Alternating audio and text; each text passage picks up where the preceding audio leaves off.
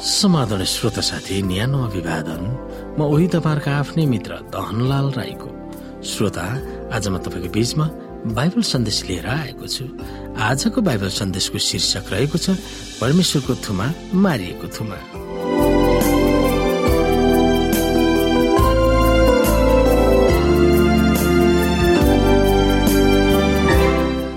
श्रोता प्रकाशको पुस्तकमा धेरै प्रतीकहरू छन्। बाइबलमा भएका प्रतीक वा चिन्हहरू महत्वपूर्ण छ। स्वर्गमा अजिङ्गर वा शैतान रातो पशुमाथि चढेकी स्त्री आदि केही उदाहरणहरू छन्। तिनीहरू बाइबलमा छन् पवित्र आत्माले नै योहनालाई प्रेरणा दिएर उल्लेख गरेका हुन्। यस पुस्तकमा लेखिएका ती प्रतीकहरूले सत्यलाई प्रकट गर्न महत्वपूर्ण भूमिका खेल्दछ। प्रकाश एकको तिनमा लेखिएको छ त्यो धन्य हो जसले अगम्बाडीका यी वचनहरू उच्च स्वरले पाठ गर्दछन् र धन्य हुन् तिनीहरू जसले सुन्दछन् र त्यहाँ लेखिएका कुरा पालन गर्दछन् किनकि समय नजिक छ। प्रकाशको पुस्तकमा अर्को प्रतीक पनि छ जुन बारम्बार देखा पर्दछ। त्यो प्रतीक हो र त्यसले कसको प्रतिनिधित्व गर्दछ? हामी यहाँनिर प्रकाशको चार अध्यायलाई हेर्न सक्छौ। कोही पनि त्यो चर्मपत्रको मुठो खोल्ने अथवा त्यसभित्र हेर्ने योग्यको नभएको हुनाले म खुबै रहे तब धर्मगुरुहरूमध्ये एकजनाले मलाई भने नरौ हेर यहुदाका कुलको सिंह दाउदको मूल यो मुठो र यी सातवटा मोहरहरू खोल्न विजय हुनुभएको छ। तब मैले एउटा थुमा उभिरहनु भएको देखेँ जो मारिएको जस्तै देखा पर्नुहुन्थ्यो। उहाँ सिंहासन र चार जीवित प्राणीहरूका बीचमा र धर्मगुरुहरूका माझमा हुनुहुन्थ्यो। उहाँका सातवटा सिंह र सातवटा आँखा थिए जुनहरू सारा पृथ्वीमा पठाइएका परमेश्वरका सात आत्माहरू उहाँ जानुभयो र सिंहासनमा विराजमान हुनुहुने दाहिने बाहुलीबाट यो मुठो लिनुभयो। जब उहाँले त्यो मुठो लिनुभयो तब ती चारै जीवित प्राणी र चौबिसै धर्मगुरुहरू थुमाको सामान्य घोप्टो परे। प्रत्येकको हातमा बिडा र धुपले भरिएका सुनका पात्रहरू थिए जो सन्तहरूको प्रार्थना हुन्। तिनीहरूले यसो भन्दै एउटा नयाँ गीत गाए तपाईँ यो चर्मपत्रको मुठो लिने र त्यसका मोहरहरू तोड्ने योग्यका हुनुहुन्छ। तपाईँ मारिनुभयो र आफ्नो रगतद्वारा तपाईँले परमेश्वरको निम्ति हरेक कुल भाषा मानिस र जातिबाट मानिसहरूलाई छुटकारा दिनुभयो। र तिनीहरूलाई राज्य र हाम्रा परमेश्वरका पुजारी बनाउनु भयो। र तिनीहरूले पृथ्वीमा राज्य गर्नेछन्। तब मैले हेरेँ अनि सिंहासन जीवित प्राणीहरू र धर्म गुरुहरूका वरिपरि धेरै स्वर्गदूतहरूका आवाज सुने। तिनीहरूको संख्या लाखौं र करोडौँ थियो। तिनीहरू चर्को स्वरले यसो भनिरहेका थिए। मारिएका थुमा सामर्थ्य वैभव शक्ति बुद्धि सम्मान महिमा र स्थिति ग्रहणयोग्य योग्यका हुनुहुन्छ। ग्रहण गर्ने योग्यका हुनुहुन्छ। अनि स्वर्गमा पृथ्वीमा पृथ्वीमुनि समुद्र र त्यसमा भएका हरेक प्राणीले यसो भनिरहेको मैले सुने। सिंहासनमा विराजमान हुनुहुनेलाई र थुमालाई स्थिति सम्मान महिमा र सामर्थ्य सदा सर्वदा होस्। तब ती चारै जीवित प्राणीले भने आमेन। अनि ती धर्मगुरुहरूले घोप्टो परेर दण्डवत गरे र यसै गरी प्रकाश सात अध्यायलाई हेर्न सक्छौँ हामी नौ पददेखि। त्यसपछि कुनै मानिसले गर्न नसक्ने एउटा ठुलो भिड जो हरेक जाति सबै कुलहरू मानिसहरू र भाषा बोल्नेहरूबाट थियो। सेता पोसाक पहिरेर हातमा खजुरका हाँगाली सिंहासन र थुमाको सामान्य उभिरहेको मैले देखेँ।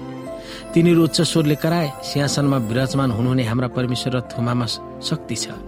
अनि सिंहासन धर्मगुरुहरू र चार जीवित प्राणीहरूका वरिपरि सबै स्वर्गदूतहरू उभिए र तिनीहरू सिंहासनको सामान्य घोप्टो परि यसो भन्दै परमेश्वरलाई धन्यवाद गरे। हाम्रा परमेश्वरलाई प्रशंसा महिमा बुद्धि धन्यवाद सम्मान शक्ति र सामर्थ्य सदा सर्वदा होस्। आमेन।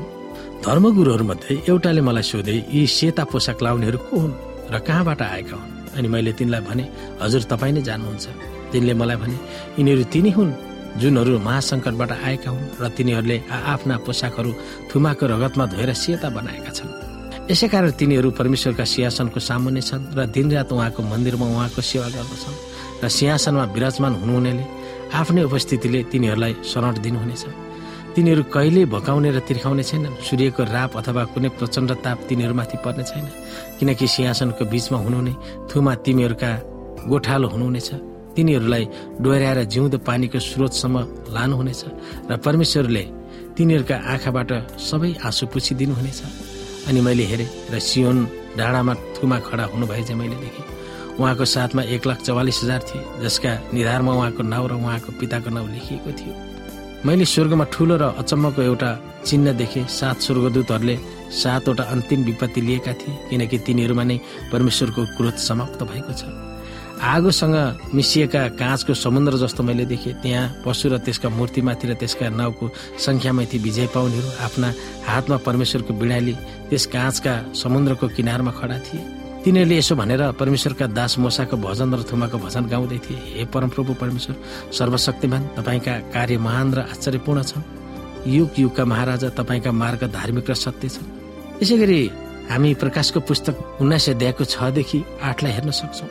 त्यसपछि एउटा ठुलो भिडको स्वर जस्तै मैले सुने उर्लदो पानीहरूको आवाज र धेरै शक्तिशाली मेघ गर्जनको आवाज जस्तो मैले सुने जसले यसो भनिरहेको थियो हले लुया किनकि परमप्रभु हाम्रा परमेश्वर सर्वशक्तिमानले राज्य गर्नुहुन्छ।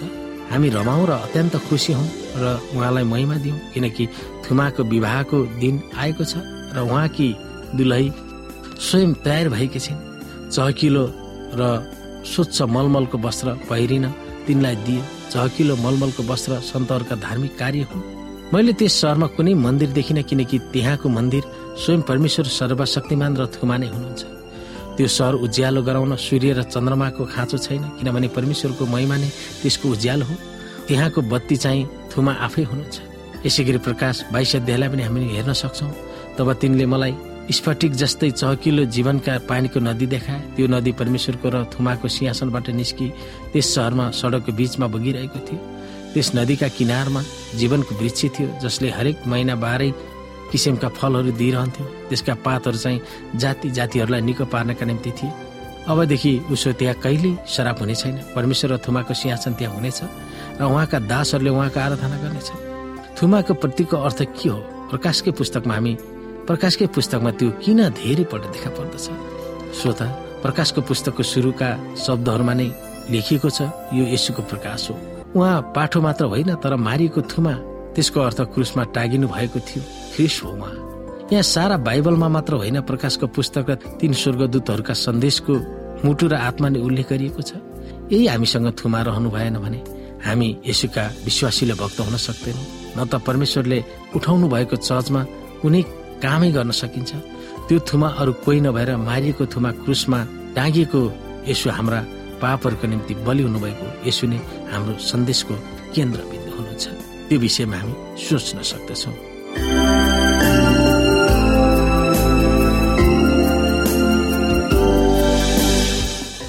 श्रोता साथी आजको लागि भएको सन्देश यति नै। हस्त नमस्ते जय मसिंह।